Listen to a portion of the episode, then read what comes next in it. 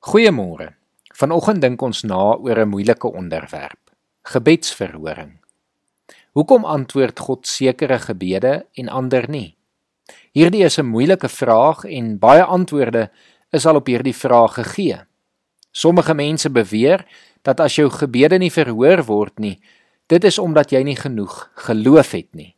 Jakobus 1 vers 5 tot 8 word dikwels gebruik om hierdie argument te staaf. As een van julle wysheid kortkom, moet hy dit van God bid en hy sal dit aan hom gee, want God gee aan almal sonder voorbehoud en sonder verwyte. Maar 'n mens moet gelowig bid en nie twyfel nie, want iemand wat twyfel is soos 'n brander in die see wat deur die wind aangejaag en heen en weer gedryf word.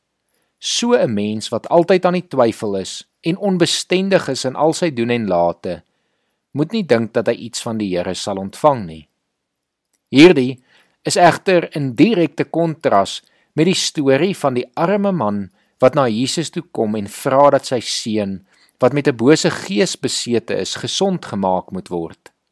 Die arme man sê vir Jesus: "As U tog miskien iets kan doen, kry ons jammer en help ons."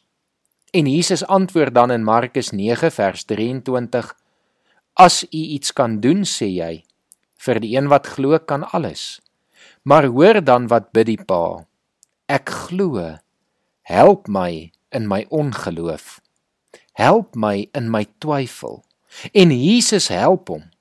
So ja, natuurlik speel geloof 'n rol, maar die Here verstaan ook ons onsekerhede en ons twyfel, ons bekommernisse en ons vrese. En dit is beslis nie die bepalende faktor of ons genoeg geloof het oor of 'n gebed beantwoord word of nie. Daar is nog voorbeelde van dele van die Bybel wat in kontras met mekaar oor gebedsverhoring praat. Matteus 7 vers 7 sê byvoorbeeld: Vra en vir julle sal gegee word. Soek en julle sal kry. Klop en vir julle sal oopgemaak word. Want elkeen wat vra ontvang en elkeen wat soek kry en vir elkeen wat klop sal oopgemaak word. Watter mens onder julle sal vir sy seun 'n klip gee as hy 'n brood vra of 'n slang as hy 'n vis vra? As julle wat sleg is, dan weet om vir julle kinders goeie dinge te gee, hoeveel te meer sal julle Vader wat in die hemel is, goeie gawes gee aan die wat dit van hom vra. Hierdie gedeelte, soos ook met die gelykenis van die weduwee en die regter, Laat dit klink asof ons enige iets van God kan vra en ons sal dit kry. Miskien is daar nie 'n teks wat hierdie punt so duidelik stel soos Johannes 13 vers 13 en 14 nie. Wat julle ook al in my naam vra, sal ek doen, sodat die Vader deur die Seun verheerlik kan word. As julle my iets in my naam vra, sal ek dit doen. En tog is daar nie een mens wat al gevoel het of die Here nie na jou gebede luister nie. Wat nie al gevoel het of jy in die dak vasbyt nie. En daarom moet ons besef dat al hierdie gedeeltes binne die konteks van die koninkryk verstaan moet word. Johannes 13 byvoorbeeld binne die konteks van die seun wat die Vader wil verheerlik. En tog wil ons almal soms bid soos Dawid ook in die psalms gebid het. Ek is heeltemal gedaan. Hoe lank nog, Here? Voordat u uitkoms gee. Dalk moet ons vra, hoe moet ons hierdie alles verstaan? Miskien moet ek herhaal dat hierdie 'n moeilike onderwerp is en miskien moet ons erken dat niemand regtig ten volle weet nie. Maar tog wil ek vanoggend probeer om 'n paar opmerkings te maak om dalk jou te help om iets oor gebedsverhoring beter te verstaan. Die eerste is dat ons gebedsverhoring altyd binne die koninkryk van God moet verstaan. Dat al ons gebede tog beantwoord word indien ons 'n ewige koninkryksperspektief behou. Met ander woorde, nie al ons gebede gaan hier op aarde beantwoord word soos ons dit wil hê nie. Maar al ons gebede word in terme van God se koninkryk en die ewigheid wel beantwoord. Ek verstaan dat daar dalk baie mense is wat nie hierdie wil hoor nie Ons wil eintlik hoor dat die Here nou iets gaan doen, dat hy nou vir ons sal luister en dat hy nou vir ons uitkoms sal gee. Maar dit is nie in ons hande binne ons wil of afhanklik van ons gebede nie. Dit is alles afhangend van die Here self.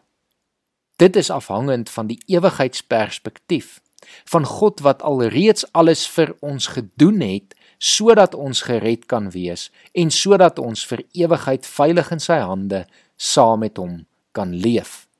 En daarom sal ons bly bid, laat u koninkryk kom, laat u wil geskied. Party sal dalk dan vra, maar as God nie al ons gebede beantwoord nie, wat is die punt van gebed? En hier moet ons onthou dat God wel van ons gebede beantwoord en daarom mag ons aanhou vra. Maar nog meer as dit is gebedsversoeke nie die eerste prioriteit of die punt van gebed nie. Ons praat nie met God sodat hy vir ons iets kan doen nie. Ons bid want ons is in 'n verhouding met God en God met ons. Ons bid want ons soek God se wil. Ons bid want ons deel ons behoeftes en bekommernisse en vrese met God en ons weet deur gebed verkry ons al reeds vrede en rustigheid.